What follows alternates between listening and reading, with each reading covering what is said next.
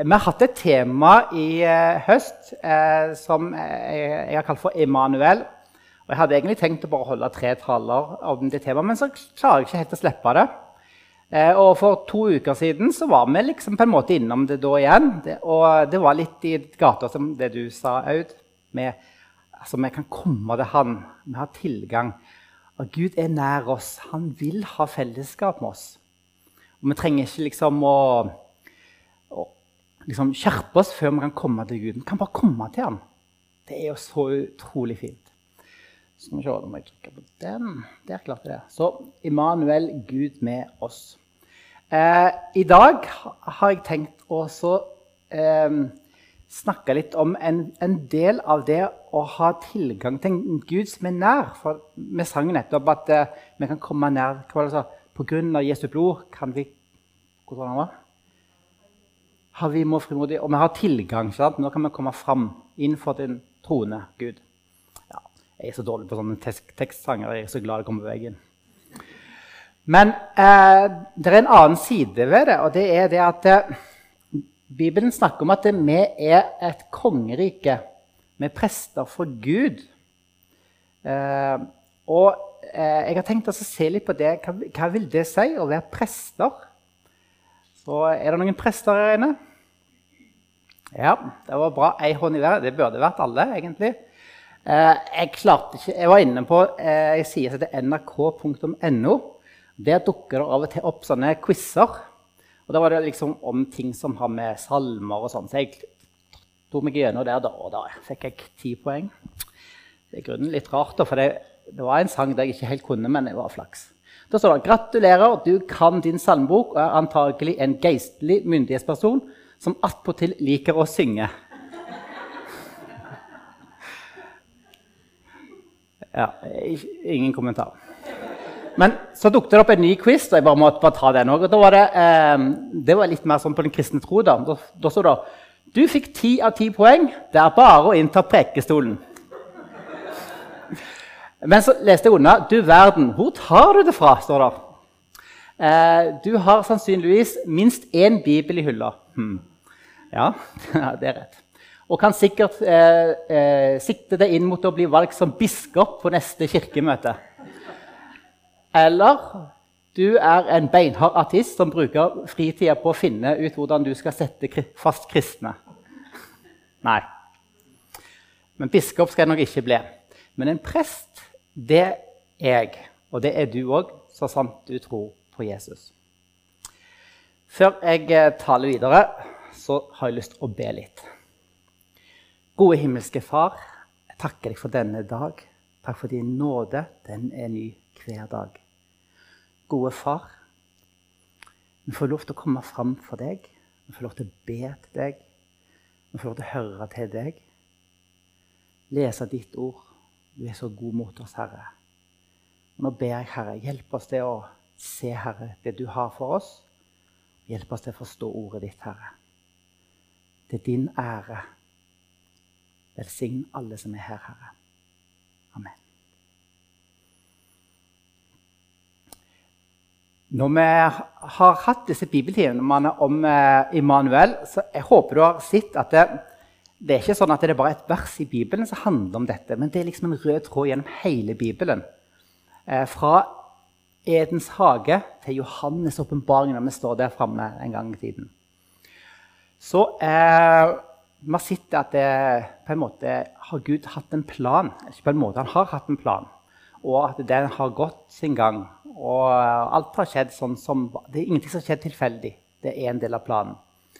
Eh, vi har sett at eh, israelsfolket ble ført i fangenskap i Egypt. Så ble de ført ut eh, av fangenskapet gjennom eh, Rødehavet. Og så havna de til slutt med fjellet. Og da sier Moses noe til dem. Han sier, 'Hvis dere adlyder min røst' Altså det er Gud som taler gjennom Moses. 'Og holder min pakt, skal dere være min dyrebare eiendom framfor alle andre folk.' For hele jorden er min. Dere skal være et kongerike av prester og et hellig folk for meg. Dette er de ordene du skal si til israelittene.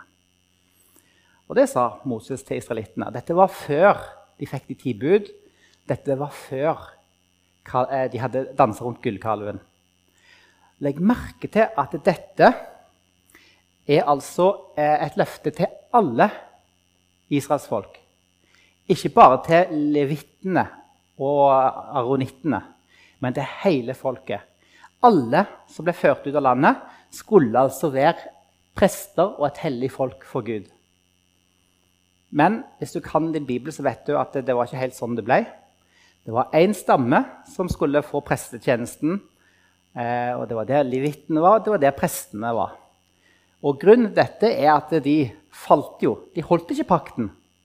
Så de eh, danste rundt denne gullkalven og, og brøt på den måten eh, det første budet. Så var det litt oppgjør der. Da var det én stamme som var eh, lydig eh, når de skulle vende seg om på den synden. Det var litene. Moses han sa nå må de som vil være med, være med meg og Jave, de må komme her. stille seg her. Og Da var det levitene. De kom med en gang. Og så kan du lese resten av historien der. da. Eh, og Pga. dette så mista på en måte israelittene generelt det privilegiet det var å være en prest. Så det ble bare til, til levittene. Det var det prestene skulle komme fra. Eh, men det er jo litt rart, for nå har jeg brukt et ord mange ganger i dag, og det er ordet prest. Så hva er egentlig en prest for noe? Jeg husker, husker at farmor mi sa at eh, det, en prest, jeg trodde det må være noen som er flink til å synge, for du, du, synger som en prest. Det er min farmor å si. Men det er sikkert at de står mest, de, de, kan sikkert, de ofte synger bra. da.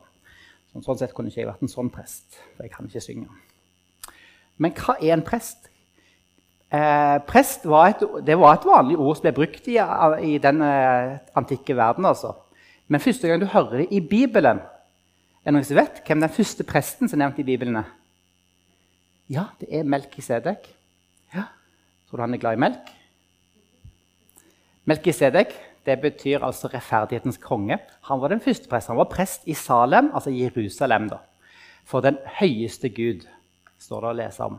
Han var den første som ble nevnt som prest. Den andre som ble nevnt som prest i Bibelen. Å, Bjørg Marit, nå får vi se. Åh, du er flink. Jetro. Jetro, Dere vet hvem det er? Jetro? Jetro det er svigerfar til Moses. Jetro. Ja, Jetro han var òg en prest for den høyeste.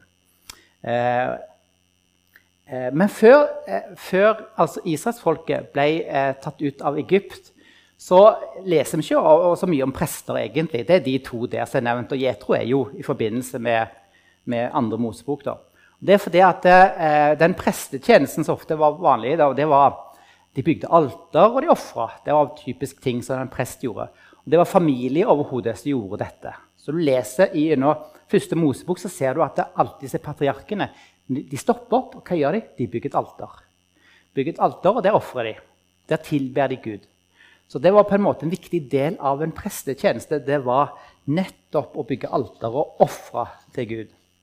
Så vi kan si at Når vi leser i Bibelen, så ser vi at det en prest ofte gjør, det er at en, en prest har på en måte to hovedoppgaver.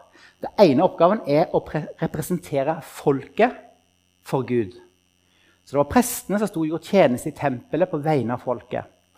Men det er òg en annen side ved det, og det er at prestene skulle representere Gud for folket. Det ser vi i de oppgavene som ble beskrevet i Bibelen for prestene. De var ofringer, og så skulle de undervise. Så det leser vi f.eks. av flere plasser at de, de, skulle undervise. Vi skal komme til noen vers og vise det litt senere. Um, og de skulle vokte. Hva skulle de vokte for noe? Jo, Gud er hellig, mens vi ikke er hellige. Vi er syndere.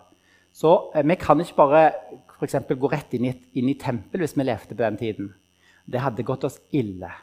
Så de var voktere som passet på at det ikke noe urent skulle komme inn i tempelet, f.eks. Da ser vi at det ofte kan vi lese denne inndelingen her når vi leser Bibelen. Så du ser her at det, eh, Bibelen skiller mellom rent og urent, og så er det noe som kalles for hellig. Så er Gud er hellig. Det er jo den minst, min eh, fryktinngytende oppdagelse når jeg ble frelst, det var at Gud er ikke bare en kamerat i himmelen, men Gud er en hellig Gud. Han som skapte himmelen og jorden. Den allmektige. Han tuller du ikke med. Det er en hellig Gud. Men så er det ting som blir kalt for hellige òg, og mennesker kan være kalt for hellige. Og det betyr at vi er innvia til Gud. Så i tempelet var det mange ting som var dedikerte til visse oppgaver. De var hellige. Og inne i tempelet hadde vi jo selve tabernakelet, eller selve, eh, selve tempelet, med det hellige og det aller helligste. Så, eh, og dette her eh, finner vi igjen beskrevet på mange måter. Lite ord om det med urent og rent. For det, det, det finner vi ofte, at det er sånne renselsesbud og sånt i Bibelen. Når du leser Tredje Mosebok, så er det et viktig tema med dette med renhet. Og det, det bare å ikke misforstå at det, hvis du er uren, betyr ikke at du er syndig. Det er ikke sånn det er. Urent det betyr bare at du F.eks. hvis du har vært borti eh, eh, et dødt menneske, du skal begrave dine egne, så er du uren. Da må du vente syv dager før du kan komme fram for Gud. Så, eh, men det betyr ikke at du har synda. Det betyr bare at eh, du, er, du, er, ikke ren. Men kan, synd gjør deg uren. Det det. Så det er altså urent og rent, og så er det det hellige. Og denne Inndelingen i sånne lag utover det ser vi egentlig ganske mange plasser i Bibelen. Allerede i første Mosebok, Edens hage, så skjønner vi at det er noe her som eh, indikerer dette. Du har Edens hage. I Eden der var det en hage i midten. Og Det var der Gud var med sitt hellige nærvær. Og Det var der Adam og Eva ble sparka ut etter fallet. Dette, denne måten å, å se på, med, med, det hellige som på en måte er beskytta av noe, det ser vi jo òg i tempelet. Er, er, sånn Her har du tempelområdet. Og så har du te, selve tempelet eh, inne i tempelområdet med det hellige og det aller helligste. Det er sånn lag. Så her har du det hellige, det hellige plassen i tempelet. Å komme inn her må du være ren. Du kan ikke være uren for å komme inn der. Um, Levitene og prestene de hadde altså oppgave å gjøre ofringer i tempelet. De hadde òg oppgave å undervise folket. Når du leser Estra bok, så ser du det tydelig. De står fram og underviser folket. Men det er altså òg vokta, så de passet på at ingenting urent kom der. Så hadde du en hudsykdom som, du, eh, som gjorde deg uren, så var det da levittene som passet på at, eh, at, du eh, nå var blitt ren igjen. Så du fikk lov til å komme inn med ofrene dine her innom tempelplassen. Um, her Det er litt artig å lese, da. Ja, jeg vet ikke om du syns det er like artig. Eh, det er ikke alltid jeg syns det er artig, men nå syns jeg det er artig å lese. Når du leser i, eh, i eh, andre Mosebok, tredje Mosebok utover, så ser du at det, det er mange sånne ting som virker litt sånn rart. En ting som de beskriver, er når de slår leir, så skulle de ulike stammene plasseres ulike plasser. Ok? Og så, så Her ser du at det er Sebulon, Isakar, Juda, Gad, Simon, Ruben osv. De er plassert rundt der. Og, og hele greia her er så fin, for hvor er Gud henne? Immanuel, han er midt i leiren. Midt i leiren. Der er altså tabernaklet. Levitene, hvor fikk de plass henne? Les, nyles rundt den og ser dere de? Levitene de var plassert rundt teltet der. Rundt tabernaklet. De var på en måte en buffer ut mot de andre. De hadde lov til å være der, og de på en måte vokta det aller helligste. Det var de som måtte ta seg av bygginga av, av, selve tabernaklet. Det var de som bar ting. De gjorde tjeneste der.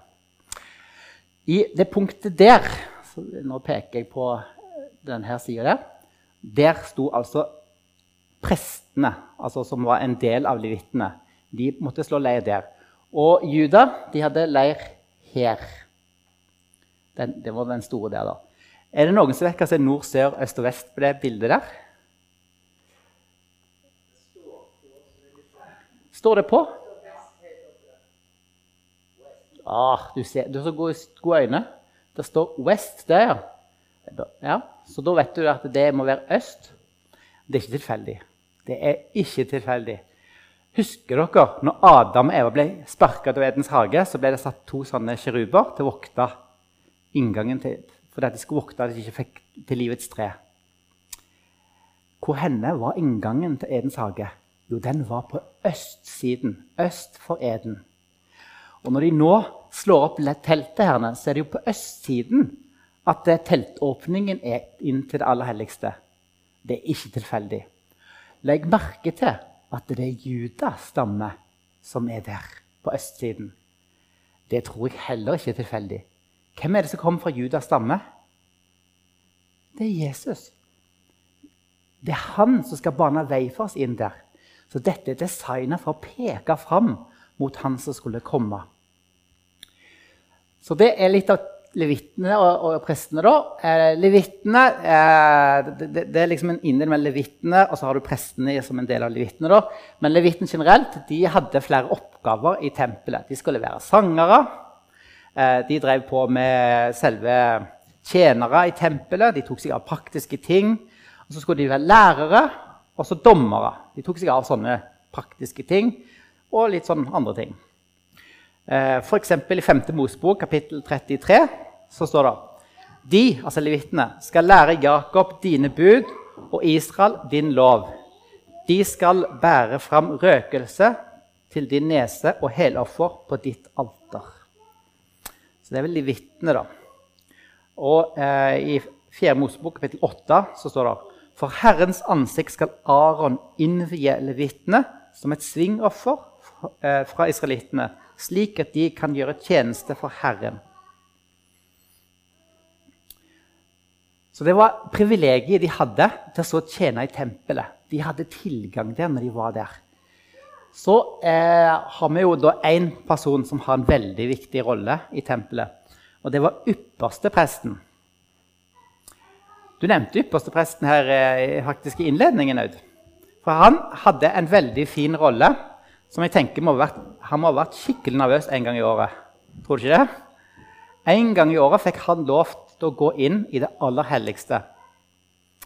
Der skulle han altså representere folket, gjøre soning for folket inne i det aller helligste. Hadde med seg blod fra denne bukken eh, og denne eh, Ja, den ene bukken der, pluss litt mange andre ting. da. Legg merke til hvordan levitten, nei, ypperstepresten var kledd. Hvis du litt, ser litt etter, så vil du se at beskrivelsen av klærne til ypperstepresten er nøyaktig ganske lik med beskrivelsen av de tingene du finner i tempelet sjøl. F.eks. hadde han disse her tingene med disse her edelstenene. Her. Det var ting som gjenspeilte ting som var i Edens hage, og som òg var viktig da, i tempelet. Han hadde Fargene var de samme fargene som du finner inne i tempelet. Og hva var denne drakten han hadde? Hva skulle, hva skulle den være lagd av? Den skulle være lagd av lin. Ikke sant? Og hva var det innerste inni tabernaklet lagd av? Jo, det var òg lin. ikke sant? Når du leser om tabernaklet, vil du se at det er ulike stoff utover. Du skal jo tåle vær og vind, men til lenger inn du kommer, til finere blir det. dette siste tingene. Ok. Så han hadde altså en rolle at han skulle bære soningen en gang i år på den store forsoningsdagen. Det var en stor rolle. Han er jo et kjempefint bilde. Ikke bare fordi jeg sier det, men Bibelen bruker det som et bilde, at han er et bilde på den virkelig ypperste presten, nemlig Jesus. Jesus er vår ypperste prest. I Hebreabrevet så ser du at det stemmer. I Hebreabrevet 11, for eksempel, nei, 10 for eksempel, så står det eh, så står det eh, mye om han, da, men pga. det Jesus har gjort, så står det så har vi da, søsken, frimodighet ved Jesu blod til å gå inn i helligdommen, dit han har innviet en ny og levende vei for oss gjennom forhenget, som er hans kropp. Har du, har du lagt merke til det? Som er hans kropp? Du ser det at Jeg ofte tenker på det. Hvorfor, hvorfor sier det at forheng er hans kropp? Men hva var det jeg sa nettopp om, om ypperstepresten? De klærne hans. Ikke sant? Alt det her peker på selve tabernaklet. Ypperstepresten på en måte personifiserer adgangen til Gud. som er hans kropp. Og siden vi har en så stor prest eh, for Guds hus, så la oss komme fram med oppriktig hjerte og full visshet i troen, med hjertet renset for vond samvittighet og kroppen badet i rent vann. Jesus er vårt ypperste prest. Når han døde på korset, så var det som Aud sa Da rakna dette her forhenget. Er det noen som vet hvor tjukt det var? Det, det, står ikke i Bibelen, men det står i disse Talmud. så har de beskrevet det, hvor stort det var. Det var en knytteneve tjukt. Så tjukt var forhenget. Det revna fra toppen og ned.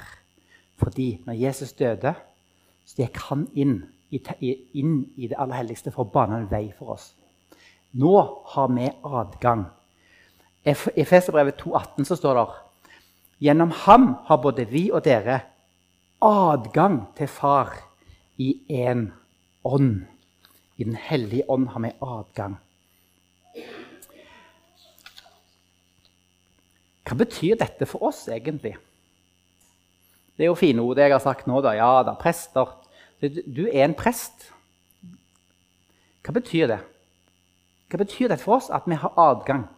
For dette prestene det var de som hadde adgang til Gud i tempelet. Men nå har han altså banet en vei sånn vi har adgang. Hva betyr det for oss? I denne teksten har vi lest før. da, på, Det er faktisk et år siden. da. Eh, vi gikk gjennom første Peters brev. Men der, Vi brukte ikke så veldig lang tid på akkurat det verset, men der står det altså Men dere er en utvalgt slekt, et kongelig presteskap, et hellig folk, et folk som Gud har vunnet for at dere skal forkynne hans storverk, han som kalte dere eh, fra mørket og inn i sitt underfulle lys. Ser dere? Det som Moses skulle formidle fra Gud i, i 2. Mosebok kapittel 19, at de skulle være et kongelig, kong, altså et, så, et kongelig presteskap, det har altså en oppfyllelse nå for oss. Nå er det altså åpent for oss alle. Dere er en utvalgt slekt, et kongelig presteskap, et hellig folk, et folk som Gud har vunnet. Og så leser vi òg eh, at, at, han har gjort dette ja. Så jeg har et spørsmål. Eh, hva er vår hovedoppgave? Hvis vi blir kalt for prester, hva er det som er oppgaven vår? For Prestene hadde en funksjon. De ble kalt, men hva var det de skulle gjøre? Hvis du spør en kristen hva er det viktigste vi gjør Ber, ja. Ber, det er kjempeviktig å be. Mm -hmm. Misjon, er det viktig? Alle sier ja, er det. Jeg tror at det aller viktigste, vår hovedoppgave som skal styre alt vi gjør, og da mener jeg alt, det er at vi skal være til ære for Gud. Vi skal tilbe Han. Vår hovedoppgave er tilbedelse. Hæ? Er det det? Tilbedelse? Er det ikke misjon? Er det ikke det, disse andre tingene? En har sagt at det, vi driver misjon fordi det er plasser og folk som ennå ikke tilber. Målet er tilbedelse. Målet er at Gud skal bli æra. Og derfor skal vi drive misjon. Derfor skal vi gjøre de tingene vi gjør. For vi vil at Gud skal få all ære. Hvorfor kom du her i dag? Jeg håper at uh, du ikke kom her for å høre en tale, bare. Eller for å høre et flott band spille fine sanger. Hvorfor kommer vi her i dag? Ja, Det er jo mange grunner. Hør, det viktigste grunnen til at vi samles på denne måten, er for at vi i lag vil ære og tilbe Gud i lag. Og så gjør vi det gjennom ting. Vi gjør det gjennom sang. Vi tilber Gud i sangen vår. Vi tilber Gud ved å høre en tale og gi oss tilslutning til det budskapet om evangeliet. Jeg tilber Gud når jeg forkynner evangeliet. Dere tilba Gud når dere leste opp trosvedkjenningen. For det, peker på han og hva han har gjort. Han har gitt seg sjøl for våre synder. Det er det det handler om. Vi kommer i lag her for å tilbe. Paulus skriver til romerbrevet, Roma, til romerne i romerbrevet. Ved ham har jeg fått nåde og aposteloppdrag. For at jeg skal føre mennesker av alle folkeslag til lydighet i tro. Til ære for hans navn. Det er det det handler om. Til ære for hans navn. Misjon er viktig. Vi gjør det fordi vi vil gjøre det til ære for hans navn.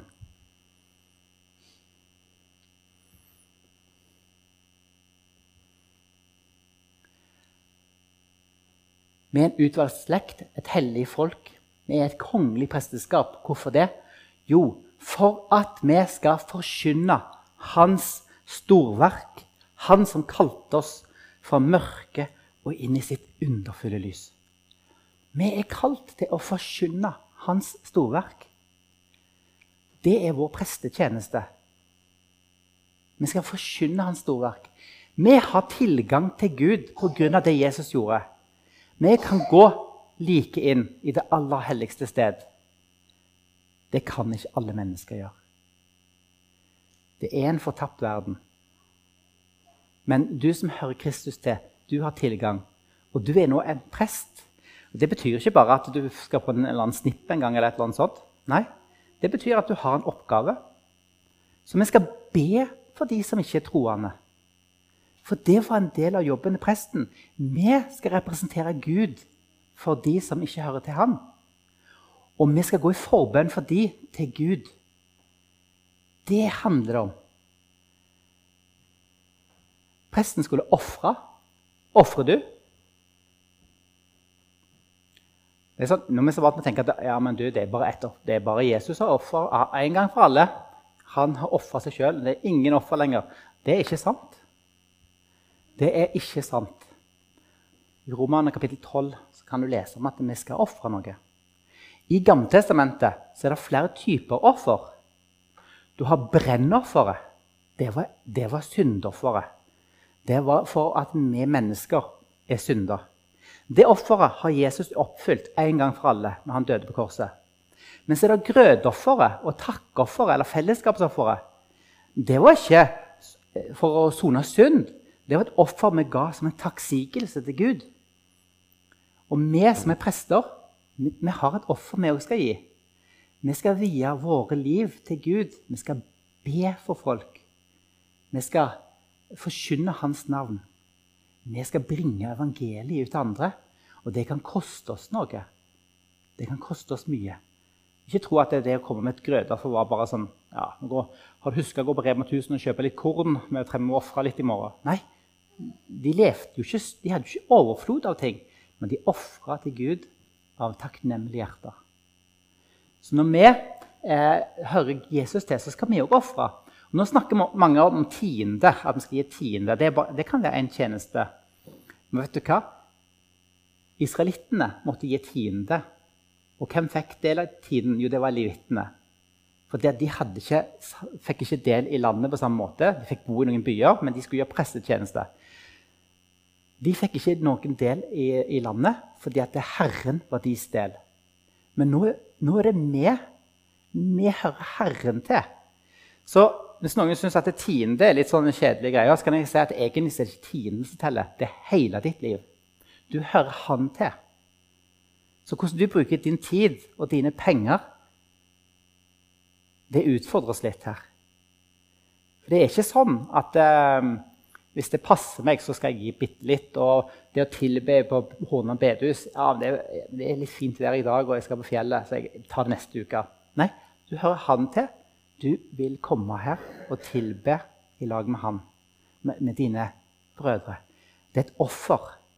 Ja, men ikke noe stort offer for oss. Det er en glede for oss. Tilbedelse handler det om.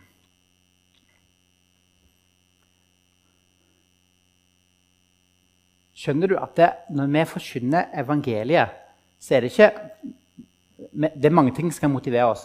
Kjær, Gud han har kjærlighet til alle mennesker og vi skal ha kjærlighet til menneskene. Så det er ikke, ikke å, også, også dytte det ned når jeg sier at det målet vårt, motivet vårt, er ære, Guds ære. For det, det henger sammen. Men du ser at, at det, når vi tilber Gud, når vi vil, for, vi vil eh, forkynne evangeliet som mennesker kommer til å tro, så er det fokus i at han skal bli æra. Men det er ikke på bekostning av kjærligheten til menneskene. Se hva salmisten synger. Syng for Herren, syng en ny sang. Syng for Herren, all jorden. Syng for Herren, velsign Hans navn. Forkynn Hans frelse fra dag til dag. Fortell blant folkeslag om Hans herlighet, blant alle folk om Hans under. For Herren er stor og verdig lov og pris, verdt å frykte mer enn alle guder. Ser dere at det er Herren sin ære det handler om? Forkynn blant alle folkeslag, så Gud blir løftet opp, som han blir stor iblant oss.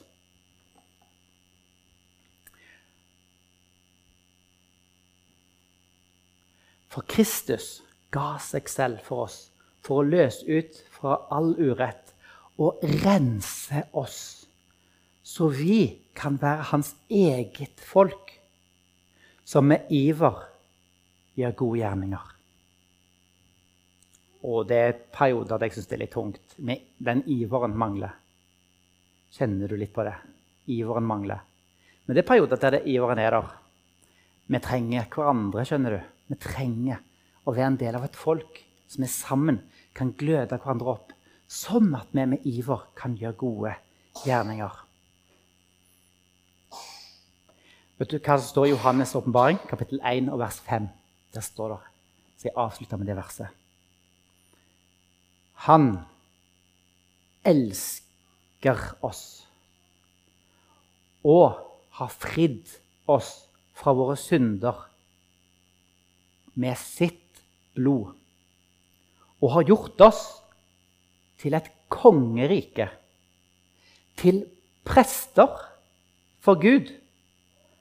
Ham tilhører æren og makten i all evighet. Amen. Gode Gud, jeg takker deg for at vi har tilgang, vi har adgang til deg. Vi får lov til å komme fram på deg med bønner. Vi får lov til å be Jesu navn. Jeg ber Herre at vi må, vi må se hvor stor den oppgaven og det privilegiet vi har, er. Hjelp oss, Herre, så vi med iver kan gjøre gode gjerninger.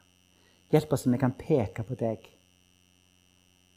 At mennesker må ære ditt navn, Herre. Amen.